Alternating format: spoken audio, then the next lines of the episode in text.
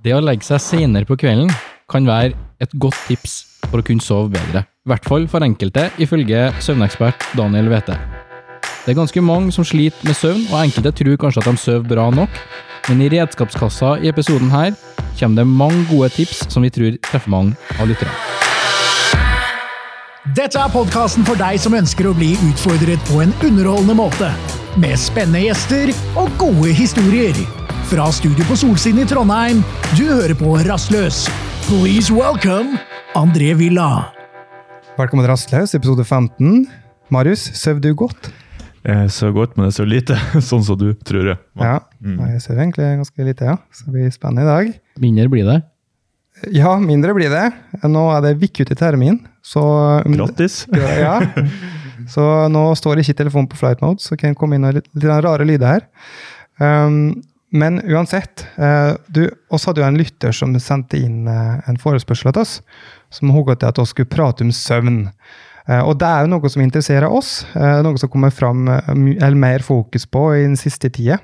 Hun lurer på altså, hvilke helseeffekter har dette her med søvn. Kommer søvn for optimal prestasjon, og kommer søvn for jenter når de blir gravide og får barn. Og så håper jeg i dag at du skal lære noe nytt av dagens gjest som gir oss bedre søvnvaner, slik at du skal få enda mer overskudd i, i hverdagen. Dagens gjest heter Daniel Wete og jobber med forskning på NTNU. Daniel er ph.d.-stipendiat ved forskningsgruppa for søvn- og døgnrytmeforskning ved Institutt for psykisk helse. Daniel er psykolog og blir kåret til årets beste forskningsformidler i Forsknings Grand Prix i 2019. Velkommen til oss, Daniel. Tusen takk. Velkommen, velkommen. Har du sovet godt i natt? I natt sov jeg kjempegodt. Og så har du støtt hatt et godt søvnmønster? For min del så har det vært sånn at jeg har hatt ganske Jeg føler i hvert fall sjøl at jeg har vært, eh, hatt et godt søvnmønster stort sett hele livet, ja. At jeg har vært eh, veldig fornøyd med, med søvn. Ja, for det er ganske individuelt, dette her. For at jeg har jo en frue som hun sov som en stein støtt. Mm. Hun vakna våkna ikke og sovna med en gang. Og øh, vanskelig å vekke av det. Men jeg er jo helt motsatt, egentlig. Jeg sover ganske lett og like ting. Eh, Er dette her noe som er genetisk til oss, eller er bare vaner? Det er jo absolutt eh, forskjell på folk. Det er det. Um, og hva den forskjellen kommer av, det kan jo være forskjellige ting. Eh, Det kan jo være, som du er inne på, at det, det kan være noen genetiske forskjeller mellom mennesker, der noen har eh, et utgangspunkt som er litt annerledes enn andre. Det kan være vaner, som du også er inne på. Um, det kan være eh, opplevelser, ting vi opplever i livet, enten eh, som påvirker oss uh, og gjør oss Det kan være at vi blir litt urolig kanskje på kveldstid hvis vi er inne i en stressa periode, f.eks. Så det er absolutt flere faktorer som spiller inn ja, når det er snakk om, om søvnen vår. Ja. Så har vi også det her som du var inne på så vidt med døgnrytme. At uh, der er vi jo også forskjellige. Eh, at noen f.eks. regner seg som A-mennesker, og noen er mer B-mennesker. og Det vil jo også komme inn og, og påvirke hvor lett det er å sovne på forskjellige tidspunkt. Før vi begynner med dypdykk dyp, dyp inn i det her med søvn, går det an å spørre hvorfor sover vi, og hvor mye søvn trenger vi? Sånn helst for å starte. Sant.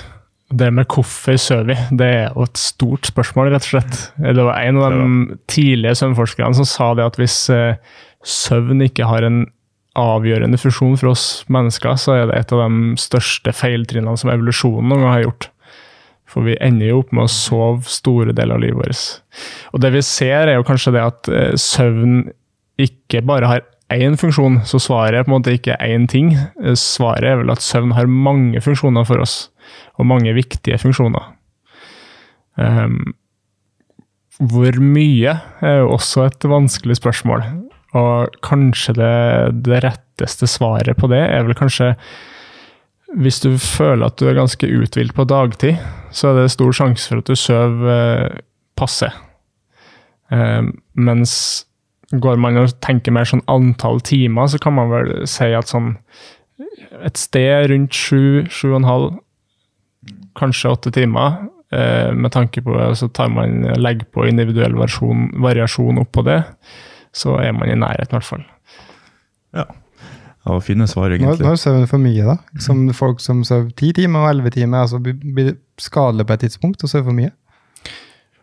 Det første jeg vil si, da, er jo på en måte at eh, søvnlengden vår varierer i løpet av livet. Sånn at eh, du som skal bli småbarnspappa, du bør være klar over at eh, din nyfødte kid den skal sove mer enn eh, enn det vi gjør. Eh, og så reduseres det litt utover eh, barndomsårene, og så ser det ut som at man har ganske mye behov for å sove når man er i tenårene. Og så når man da kommer inn i 20-årene og så videre og så videre, så ser det ut til at søvnmengden eh, går gradvis litt nedover. Så det er jo én ting man må ta i betraktning. Um, hva, hva du bruker hva slags tiltak? Jeg hører du jobber litt klinisk nå, men eh, du har kanskje ikke La oss si jeg har et søvnproblem, da, og jeg går til det, eh, eller går til en, en psykolog som jobber med søvn. Hva, hva, gjør man da for å finne løsninger? Det er et veldig godt spørsmål. Du, så Det første man gjerne vil gjøre hvis man har opplevd å ha hatt søvnvansker over litt tid, uh, så er det at man oppsøker fastlegen sin. Uh, og det som man kanskje ser, er at de fleste som søker hjelp for søvnvanskene sine, de får først tilbud om sovemedisiner Eh, og det som vi kaller for søvnhygieneråd. Eh, og søvnhygiene det handler jo på en måte om um, ting som kan legge til rette for at vi lettere skal sovne. Sånn som på en måte å kutte ut kaffe på kveldstid og ikke sove så mye på dagen. og eh, på en måte sørge for at man har et eh, god og komfortabel seng og et stille sovemiljø osv. Så, videre. så det er kanskje det vanligste som skjer når man søker hjelp. Det som er litt dumt, er at man ser at uh, de her søvnhygienerådene de har ikke så veldig stor effekt hvis man har hatt søvnvansker over litt tid. Så når ting begynner å bli litt sånn kronisk, og man har hatt det over flere år, så, så fungerer det ikke så veldig godt. Og det andre er at det her med sovemedisiner det har jo kanskje en god effekt litt sånn over kort tid. Um, det hjelper absolutt på med innsovning og gir bedre søvn. Men ser man over lengre tid, så er det vel litt sånn at eh, sovemedisinene ofte må økes i dosering for at de skal fortsette å ha effekt. Så vi får en litt sånn tilvenning. Kan jeg bare bryte inn der? Også, ja. det, det, der med sovemedisin er jo eh, litt interessant, syns jeg. Mm -hmm. eh, for det er forskjellige søvnstadier man um, går på, eller søver i. da. Er det fire nivå? Hvordan heter det? Ja, det er, i utgangspunktet så er det fire nivå, ja. ja. Men er det da at du kjennes ut som du sover mye bedre hvis du tar sovemedisin? Dypere, liksom. Men gjør det egentlig det? Jeg blir jo lurt. Er effekten av søvnen bedre ved å ta sovemedisin? Akkurat det, det har jeg faktisk ikke svaret på. Jeg prøver også å ransake hjernen her, men det kommer ingenting. Um, jeg kan se for meg at det Man vet i hvert fall at tar du sovemedisiner, så er det en sjanse for at du får det som vi kaller for en hangover-effekt dagen etterpå, som, som, du kan på en måte sammenligne med litt det å føle seg litt eh, dårlig dagen etter å ha drukket store mengder alkohol. At man eh, føler seg litt eh, sløvere og litt døsigere på morgenen spesielt. Så det kan jo være noe av det, at man kjenner seg litt tyngre når man våkner. Jeg har et spørsmål. Når vi, eh, var, vi var, fløy en gang i, i Sør-Amerika, og da tok vi noe søtabletter vi fikk tak i i Mexico, og det var noe av det sjukeste jeg opplevde. For de ble total knockout på alle fire før eh, flyet tok av. Når vi våkna, så uh, skjønte vi ikke at flyet hadde tatt av. Vi var så konstant i åtte timer. Vi var totalt forvirra.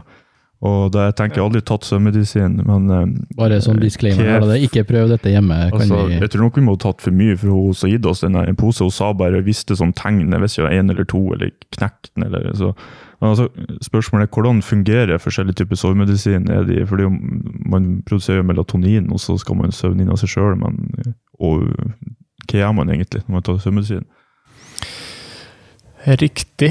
Um, så sovemedisinene, uh, de på en måte, de går på litt på et annet system enn det som altså, så Sovemedisiner er jo forskjellig, det må jo også nevnes. Uh, og fungerer jo litt forskjellig også. Så de, de de prøver jo på en måte å treffe forskjellige sånne nevrotransmittersystemer i hjernen vår, f.eks. Um, ehm, så går det an f.eks. å ta melatonin i kapselform.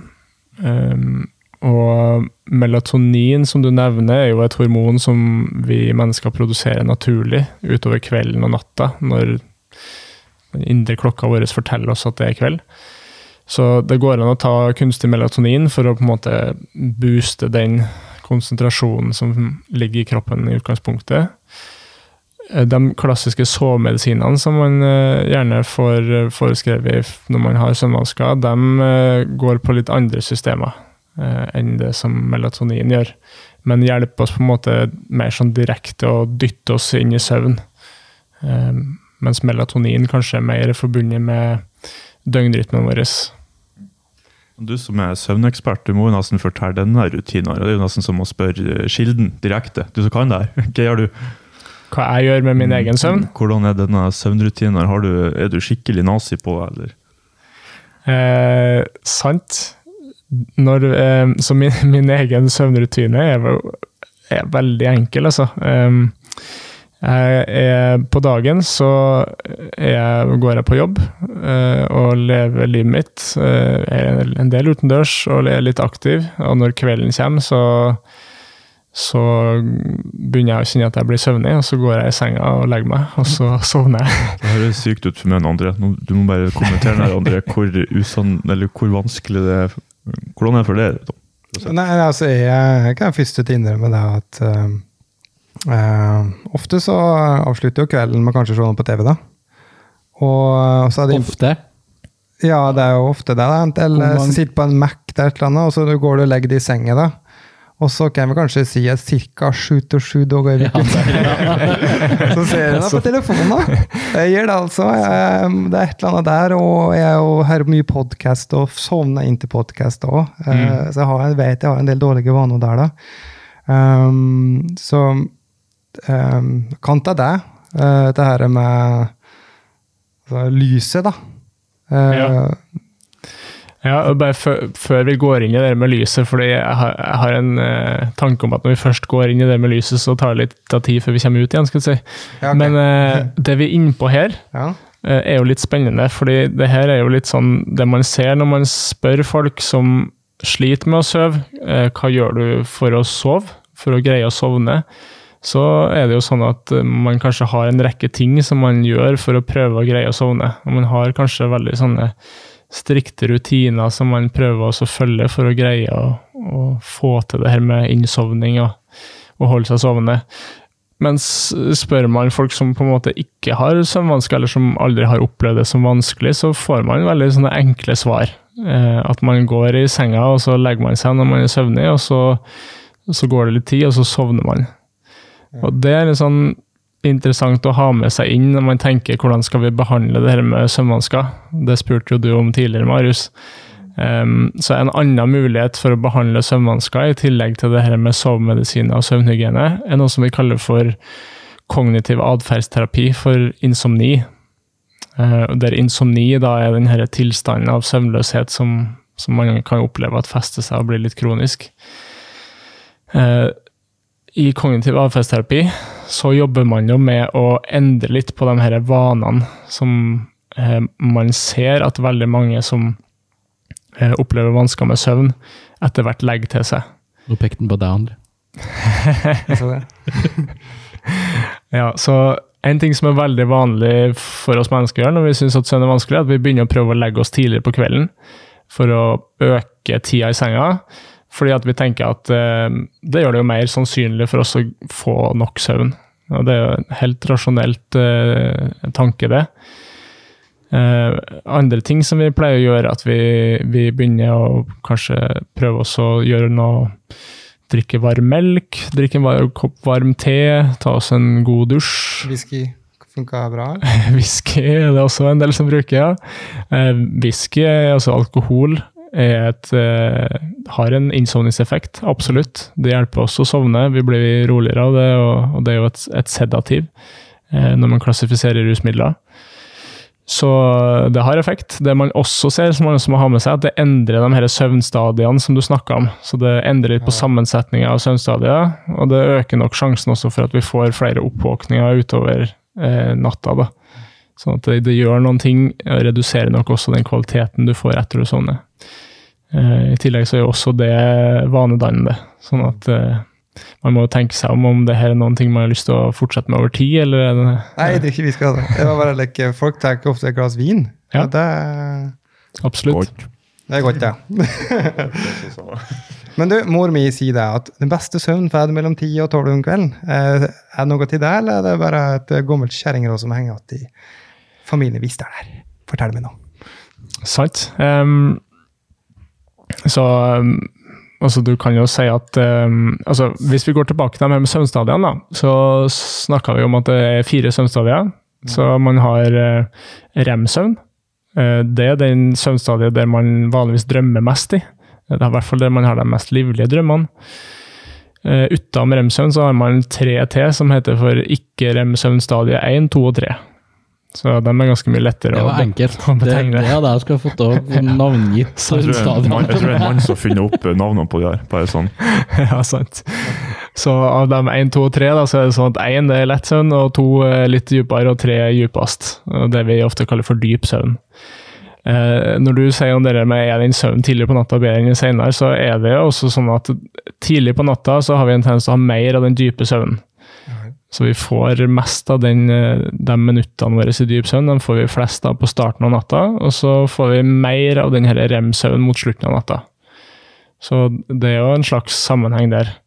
Men så kommer det jo litt an på en måte hva er døgnrytmen din. da, for Hvis du vanligvis legger deg ett eksempel, og står opp klokka ni, og det er rytmen din, så, så vil du fortsatt ha den dype søvnen din tidlig på natta for deg.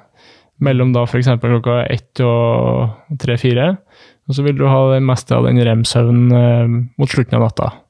Da klokka sju, åtte, ni f.eks. Så det, det går jo da hånd i hånd med liksom de forskjellene som er på sin døgnrytme. da. Um, og så må man jo også på en måte kommentere litt kort på det at uh, man har en tendens til å tenke at dyp søvn er alfa og omega, og det er det eneste som gjelder. Men, eh, men det er jo sånn at, eh, at også de andre søvnstadiene våre har viktige funksjoner. Jeg har hørt da en, en sånn her eh, en sånn annen sånn søvnforsker han sier at våken tilstand det er en mild hjerneskade. Så du bare bygger opp masse avfallsstoff. og Det er nesten som et lymfes, lymfesystem i kroppen. eller Ja. Det er en måte å se det på. Det er en liten hjerneskade å være våken. Men du har jo et lymfesystem i kroppen som folk kanskje vet at det, det skiller ut giftstoffer.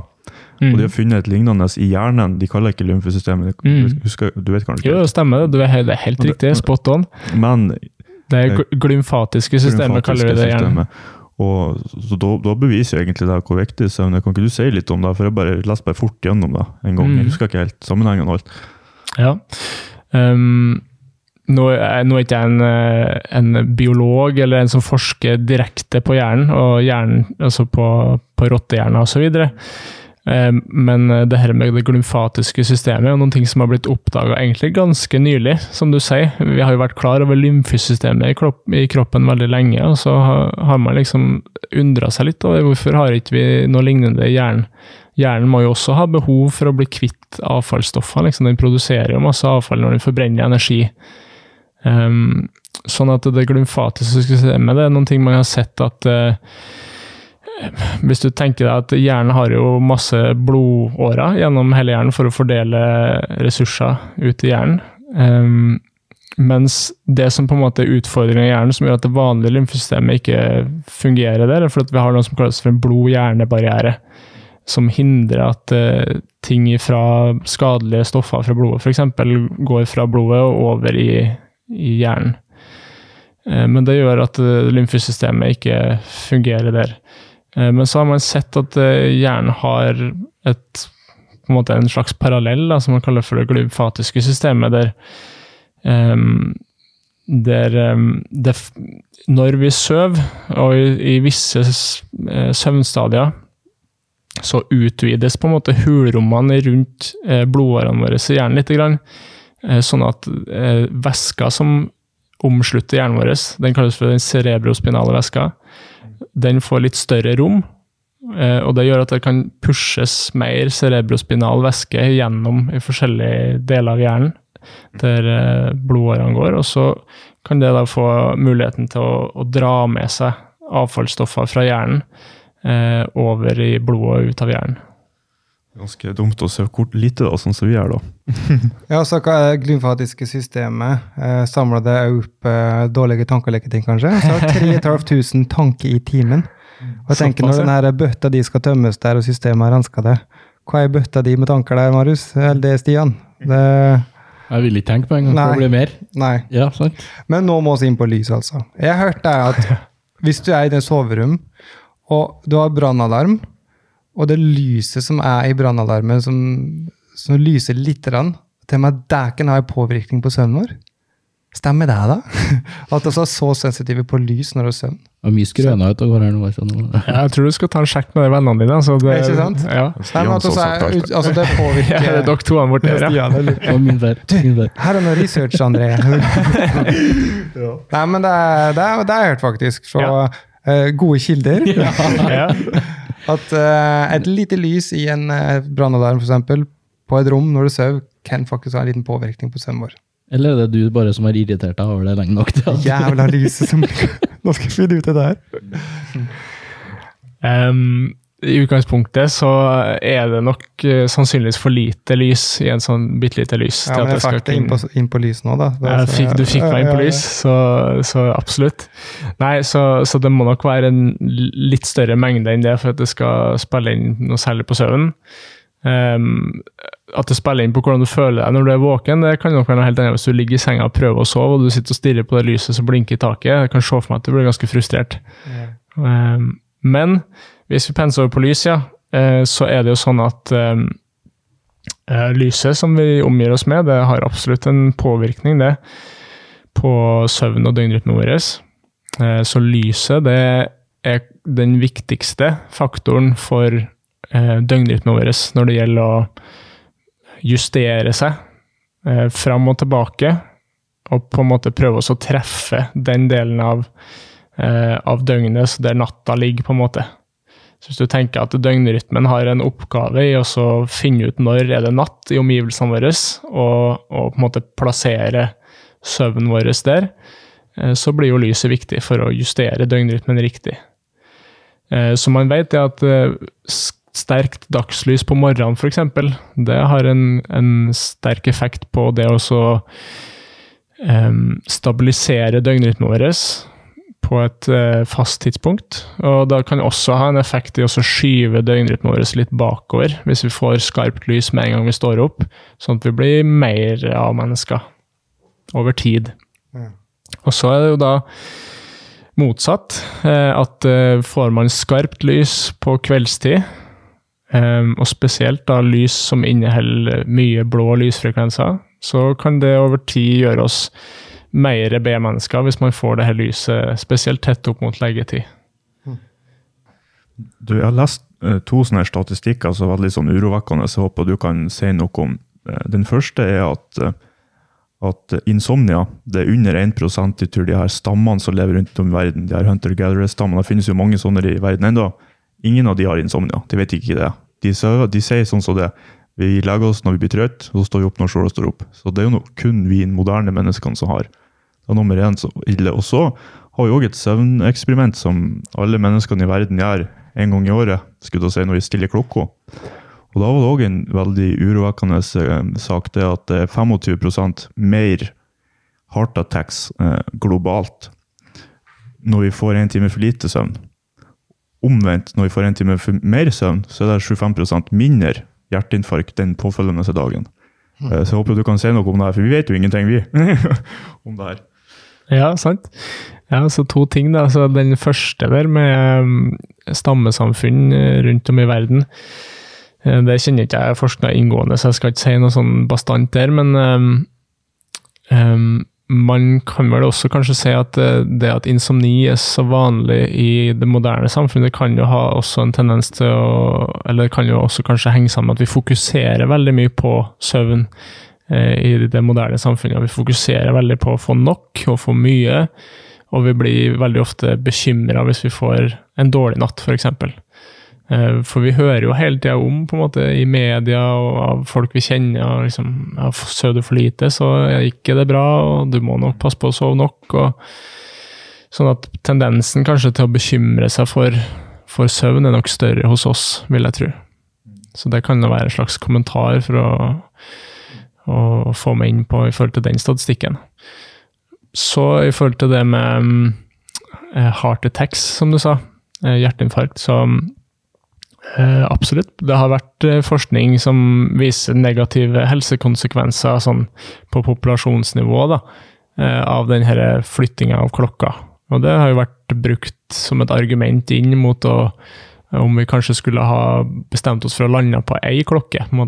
At det er en samme klokke både sommer og vinter. Um, ja, så um, gjenstår det nå å se da, måte, hva man blir enige om på, på tvers av land og internasjonale grenser. Hva man eh, anser som best, men eh, ja. Og så når du, når du sover dårlig, da. eh, Sover lett. Det er jo skjønt at det er da det er lettere å drømme og, og gå i søvn og like ting. Og det er jeg jo litt nysgjerrig på. Jeg vet det er kanskje ikke akkurat det du eh, studerte mest, men du vet sikkert eh, mye mer om det enn oss, i hvert fall.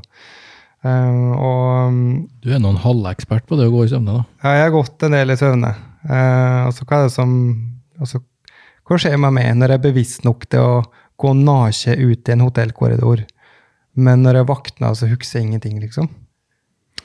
ja, å gå i søvne det er ting som vi vanligvis gjør i dyp søvn.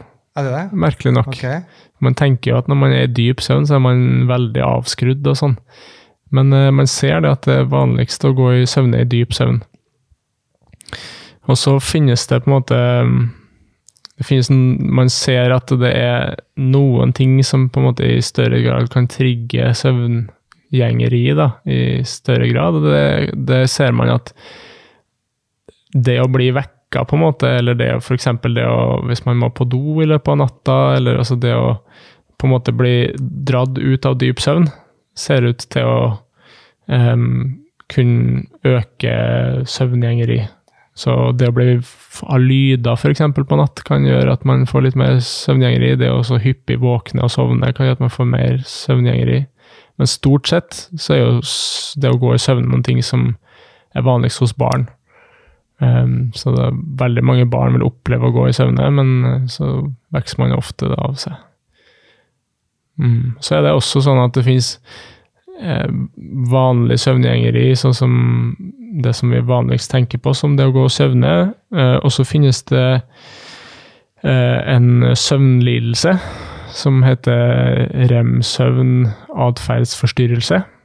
Eh, den forekommer mens vi er i rem-søvn, og kan på en måte se ut som å gå i søvne, men det er ofte mye mer livlig. Ja. For det som ofte har skjedd, eller det som gjerne har skjedd, da, er at vanligvis når vi er i rem-søvn, så er kroppen vår paralysert. Eh, kanskje sånn at vi ikke skal leve ut de drømmene som vi har, i hvert fall for å skru av kroppen. Så ser man at denne paralysen ikke fungerer helt i denne rem-søvn-atferdsforstyrrelsen, som gjør at en del begynner å utagere drømmene sine.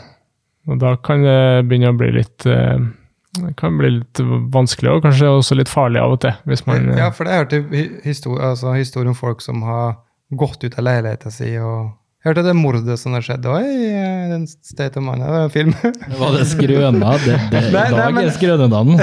ja, men det, ja, men jeg sier det jeg har på hjertet. Ja, men jeg hørte at du kan gjøre ganske drøye ting. Altså i form av at du at du er i, på en måte i rem, da. Men eh, bevisst nok til å gjøre ikke bare, ikke bare pissen i sko til far din, som jeg har gjort. liksom. Men at Du har gjort det? Jeg har gjort det. Ja, okay. Jeg har gjort mye rart i sendinga. Stemmer det her? Hva er det um, altså eh, Mord og det du snakker om der. nødvendigvis mord, da, men altså du kan gå ut av leiligheten og at du Så, ja, men det, man, stort sett så er det å gå i søvne ganske enkel atferd. At man eh, reiser seg fra senga og kanskje går litt grann rundt. Eh, ofte så går man og legger seg igjen av seg selv.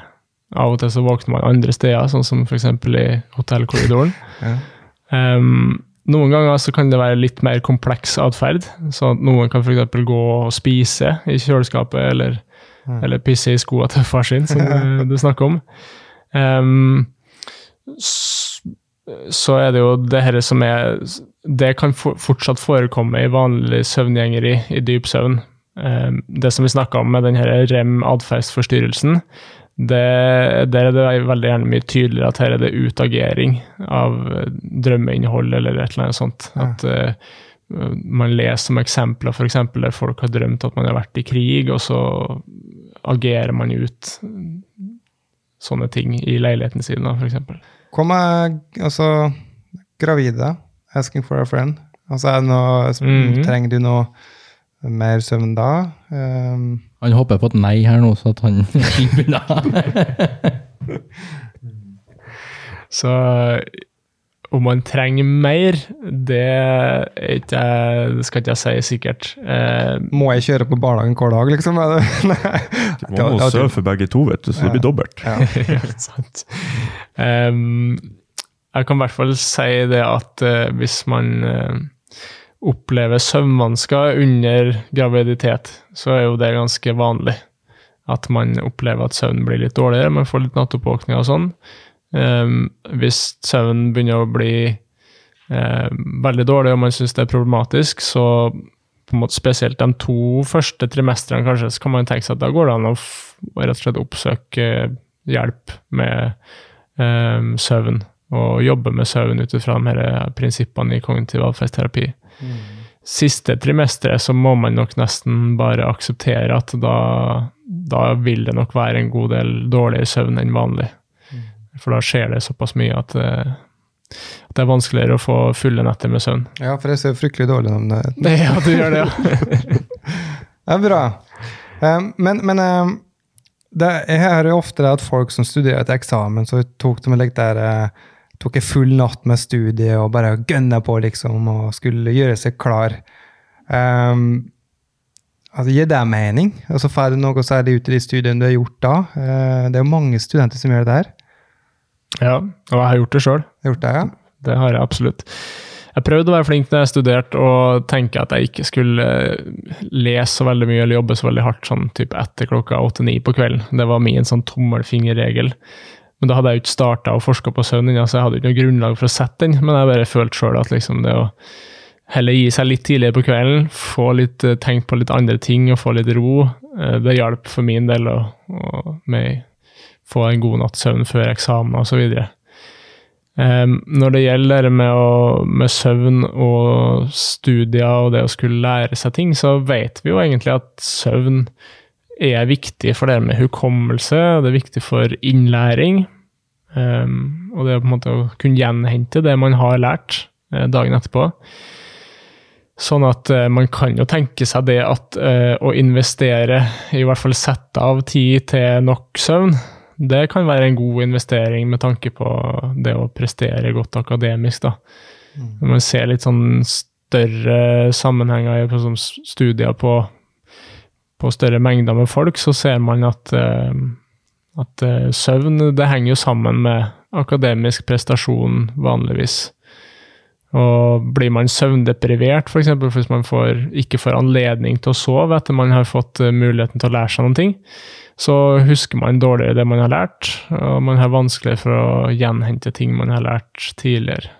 Ja, for, for når, når du legger deg og sover, så jobber hjernen din med det du har lært. For jeg, du tente på freestyle motocross eh, på en del triks, Ja. så, så liksom repeterte mange ganger i løpet av trening, sant? ja. Så kom du liksom ikke videre.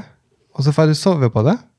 Eh, Det kan jo kanskje at du er fysisk eh, mer opplagt òg, men det, er ikke noe som skjer når du kommer tilbake dag to.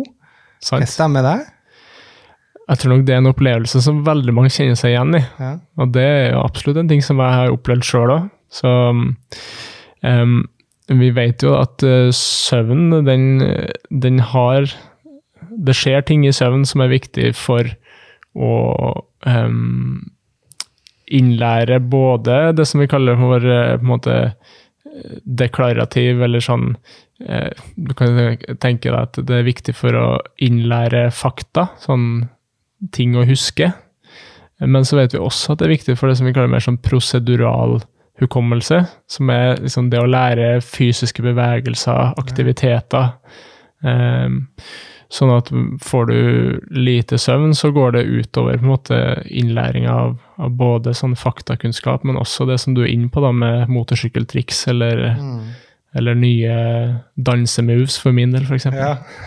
Men det er jo det sportslige. Men sjøl om jeg ikke har noe uh, spesielt jeg bekymrer for neste dag, så kan jeg òg ligge og headspinne liksom, og begynne å tenke over forskjellige ting. og uh, Hjernen min går i ett sett hele tida. Uh, men la oss si at du har gjort det rett, dette det med lys og alle disse rutinene du nevnte nå. Uh, hva kan jeg gjøre da?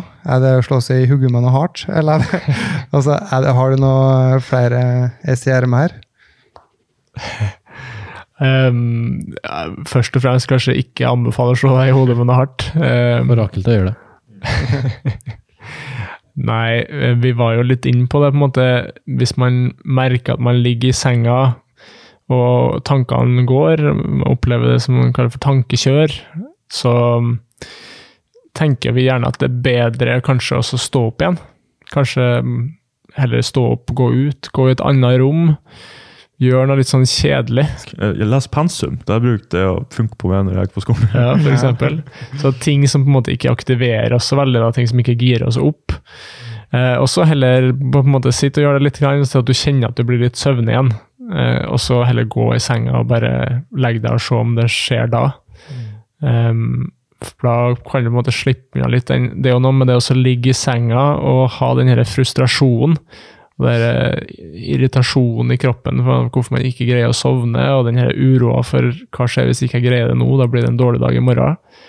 Da er det egentlig bedre å skifte litt uh, setting, komme seg ut, og så ja da slipper man også å liksom begynne å for Det skjer jo ofte at, at man begynner å forbinde innsovning og senga med en sånn kjip ting. Sånn der, ja, det er vanskelig, det er alltid vanskelig. Og, og den frustrasjonen den kommer hver kveld, nesten før man har gått inn på soverommet, så vet man at det kommer ikke til å skje i kveld heller. Nei.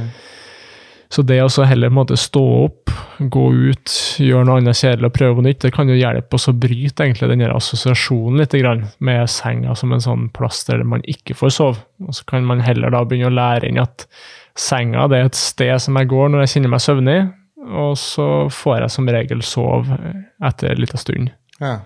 Vi nevnte jo i en tidligere episode der fikk jeg et råd eh, som har fungert for meg. Hvis du har noen tanker da, som du ikke får ut i hodet, skriv det ned på en lapp, eh, og krull dem sammen og kast dem i søpla. Eh, ja. Måte, for å prøve å få dem litt av det i hodet. Så det kunne være et råd eh, ja. til den som eh, sliter med dette her. Absolutt. Det er et råd som vi ofte bruker, faktisk.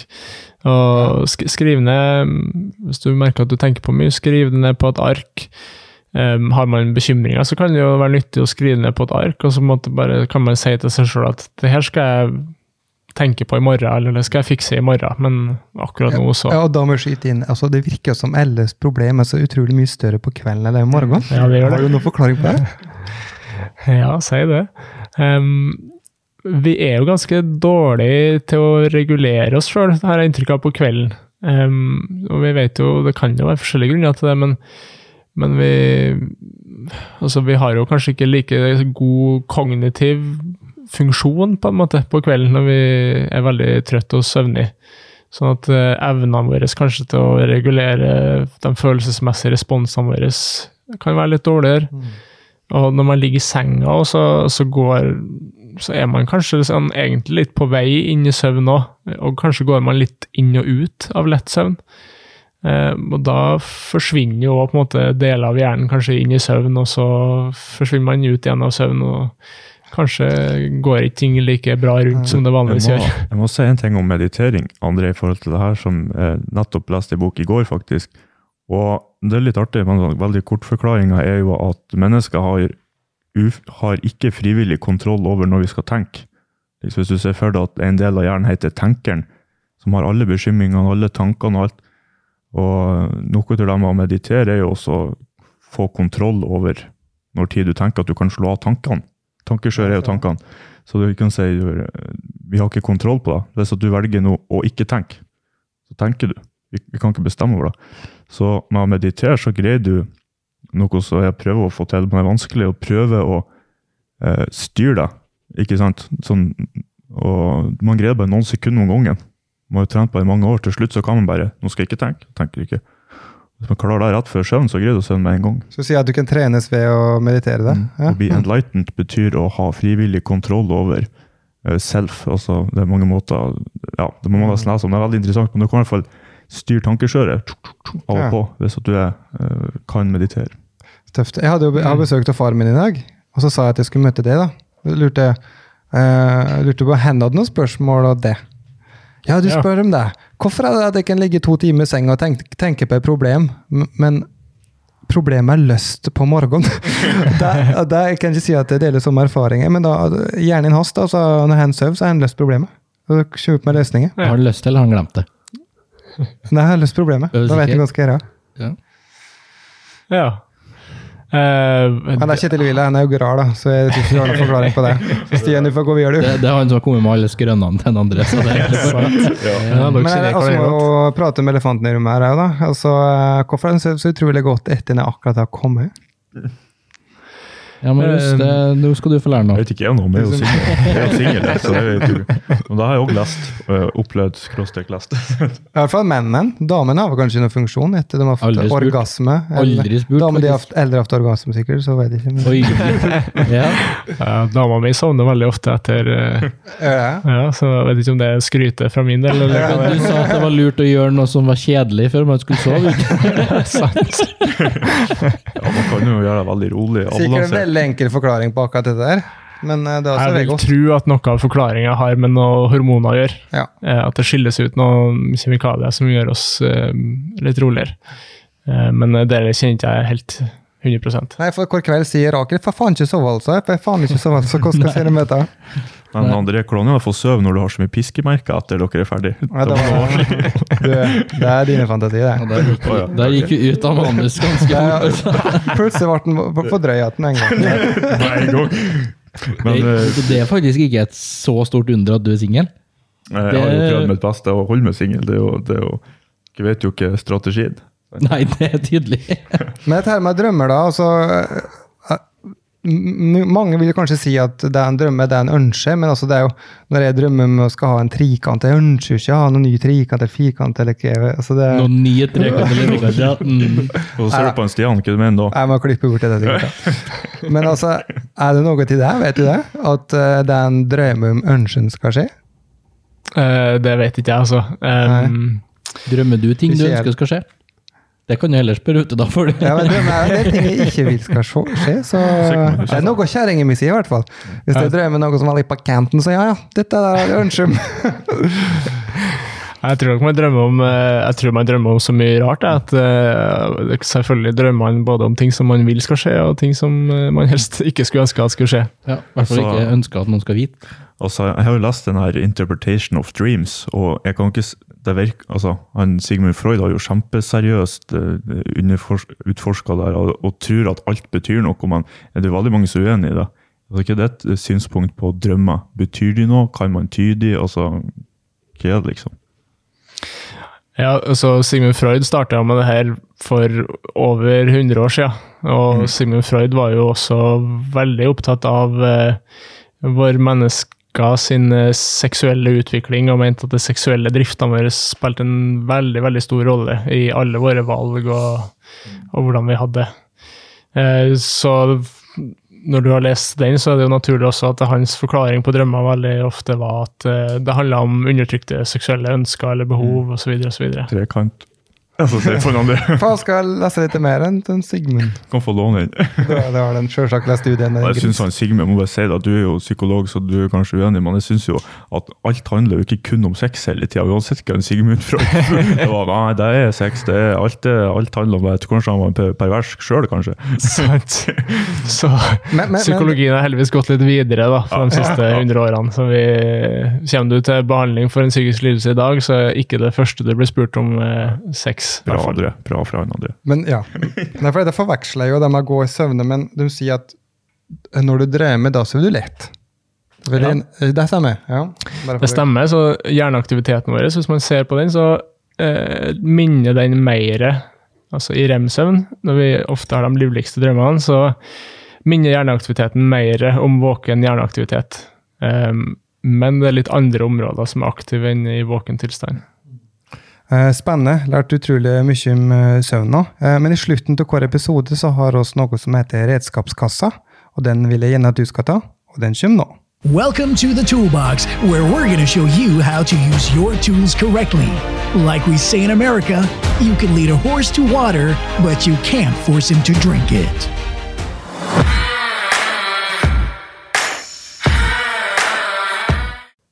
Så hvis du har problemer med at du får for lite søvn, og årsaken da er at du legger deg for seint, at du sitter opp og ser på siste Netflix-episoden av den veldig spennende serien, så er mitt tips nummer én at du eh, velger å prioritere søvn, at du da går og legger deg litt tidligere. Men det er da hvis du ikke har vansker med å sovne. Så tips to, hvis du har vansker med å sovne, og du har vansker med at du våkner veldig mye på natta, og kanskje våkner for tidlig om morgenen, så er tipset mitt at uh, du heller enn å prøve å legge deg tidligere på kveld uh, for å få nok søvn, at du heller i en periode, kanskje seks til åtte uker, prøver å legge deg litt seinere og holde på et fast oppvåkningstidspunkt. Og så se om du kan gjøre deg selv søvnigere litt gradvis over noen uker. For det her har vi sett at det kan hjelpe oss til å, å få i gang et uh, ødelagt søvnmønster igjen, og på en måte gjenlære det å, å, sovne raskt og få mer sammenhengende søvn. Så kan man da gradvis legge seg tidligere og tidligere, inntil man får uh, den søvnen som man føler at man trenger. Og så nummer tre, så ville jeg også ha tenkt at hvis du ligger i senga og du er urolig og du ikke greier å sovne, eller du våkner på natta og du sliter med å sovne igjen, så ville jeg ha tenkt at da kan det være lurt å heller stå opp, eh, gå ut av soverommet, gjøre noe litt kjedelig eller noe som ikke er så spennende. Kjenne at du begynner å bli litt søvnig igjen, og så heller gå inn på soverommet og prøve å sove på nytt. Og nummer fire, så vet vi at uh, lys det er viktig for døgnrytmen vår. Så hvis du har en utfordring med døgnrytme, der du f.eks. Eh, opplever å være for mye B-menneske, og du har lyst til å bli mer A-menneske, så kan det være nyttig å sørge for at du får nok lys med en gang du våkner om morgenen. Gjerne stå opp og gå ut, f.eks., og få dagslys på øyet. For vi vet at det å få dagslys på øyet når du våkner, det gjør oss mer A-menneske. I tillegg kan det være lurt også å sørge for at du får bra mengde med lys på øynene i løpet av dagtid, i løpet av dagen. Og I tillegg så kan det jo da være lurt også å sørge for at du får redusert lyseksponeringa di litt på kvelden. Og gjerne kanskje redusere den mengden med blå lysfrekvenser som du får på kveldstid. Så kanskje da begrense bruken av mobiltelefon helt opp mot øynene sånn de siste timene før du legger deg. Daniel ga en veldig god uh, redskapskasse for uh, tenåringene med å si at du kan legge deg senere. Og så sa han til slutt 'legg bort telefonen', så han var kanskje ikke så, så kul vel. Kommer til å ta med mye til råd videre. Uh, nå spesielt jeg skal gå inn som småbarnsforeldre og når dette her kommer ut, så har vel det sikkert fått den knekken, da. Ja, Men hva, hva, skal du gjøre i helga nå? Nå er jo du er det siste helg som ene, enefar? Guttehelg! Jeg er is isolert ennå, for jeg kan jo absolutt ikke bli satt i karantene nå, for da går jeg glipp av fødselen. Og ja. det vil jeg ikke gjøre. Er du ferdig nå, så nå skal vi gå igjen? Ja. ja. Og Marius har igjen klart å fikle med det filteret på én dag, Marius. Så teiper vi det, jo, fast i stolen. Det er fint nå. Det er akkurat noen sant. Akkurat. Altså, Dette vet egentlig ikke lytterne, men vi er nå i episode 15 her. ja. Og uh, også hatt litt utfordringer, vår kjære venn Marius. En nazipuster. Ekstrempuster, altså. Lang også, som er ganske tett, eh, og er inni mikrofonen. så det var det klipping. Som lydmann, det er én finger som det brukes mest, og det er pekefingeren på mute-knappen av Marius når ja. han ikke prater hele tida. Ja, I eh, siste episode med Håkon Skog så fikk jeg litt på Marius.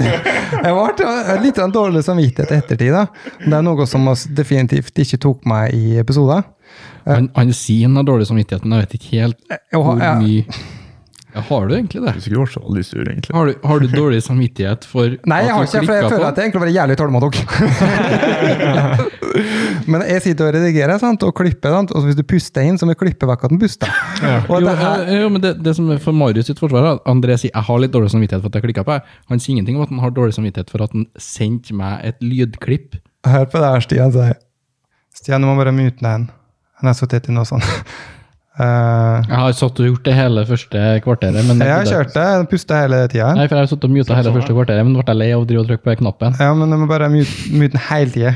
Jo, men plutselig så kommer den jo. Ja, men da får han heller han si at Jeg slå på mikrofonen. Jeg blir så nysgjerrig ut. Ja. ja, men um, Jeg sitter her, Marius. Du ja, jeg i Og så går jeg fram og prater. Ja, men tett i nesen. Ja, men da kan du ikke sitte der.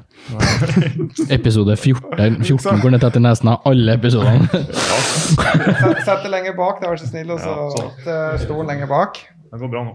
Nei, det gjør ikke det. Det går 14 episoder, det går ikke bra. Jeg blir så irritert på det der nå. Jeg begynner å bli Unnskyld. Unnskyld ja, det. Du? Ja, men du sitter jo bikka på stolen, Ja. så da vil den bikke fram igjen, og da kommer du fram igjen. Kan du ikke bare sette deg bak stolen, da? Det var ikke så veldig du, da. eh, du er glad du slapp å vitne til det? Men, Ja. Nei da. Men uh, Og så gjør mye feil, alle sammen. Men den, jeg begynte å bli lei av pustingen, så det klikker litt for meg. Men uh, hvis en får litt mer søvn, så kanskje ikke puste så hardt. så nå foreslår jeg at alle sammen går hjem og legger oss. Men, Mora mi er sånn her uh, har sånn sinnemestringskurs, så du skal få er veldig ja. Ja, nå trenger jeg jeg skal slappe, slippe en Daniel hjem, for han har sikkert en, en, et godt søvnmønster han prøver å følge uten at vi drar det ut i en sene nattimer. Og så stafettpinnen på Skrønemannen har nå offisielt gått til Marius. Så jeg tror vi, vi sier takk for i kveld. Og så gjør det. Ja. Tusen hjertelig takk for at du kom, Daniel. Takk, Daniel. Det var svært hyggelig å ha en ekte nordtrønder her igjen nå. Det Ja, sant. Ja. Ha det bra. Ha det bra. Du har hørt Rastløs.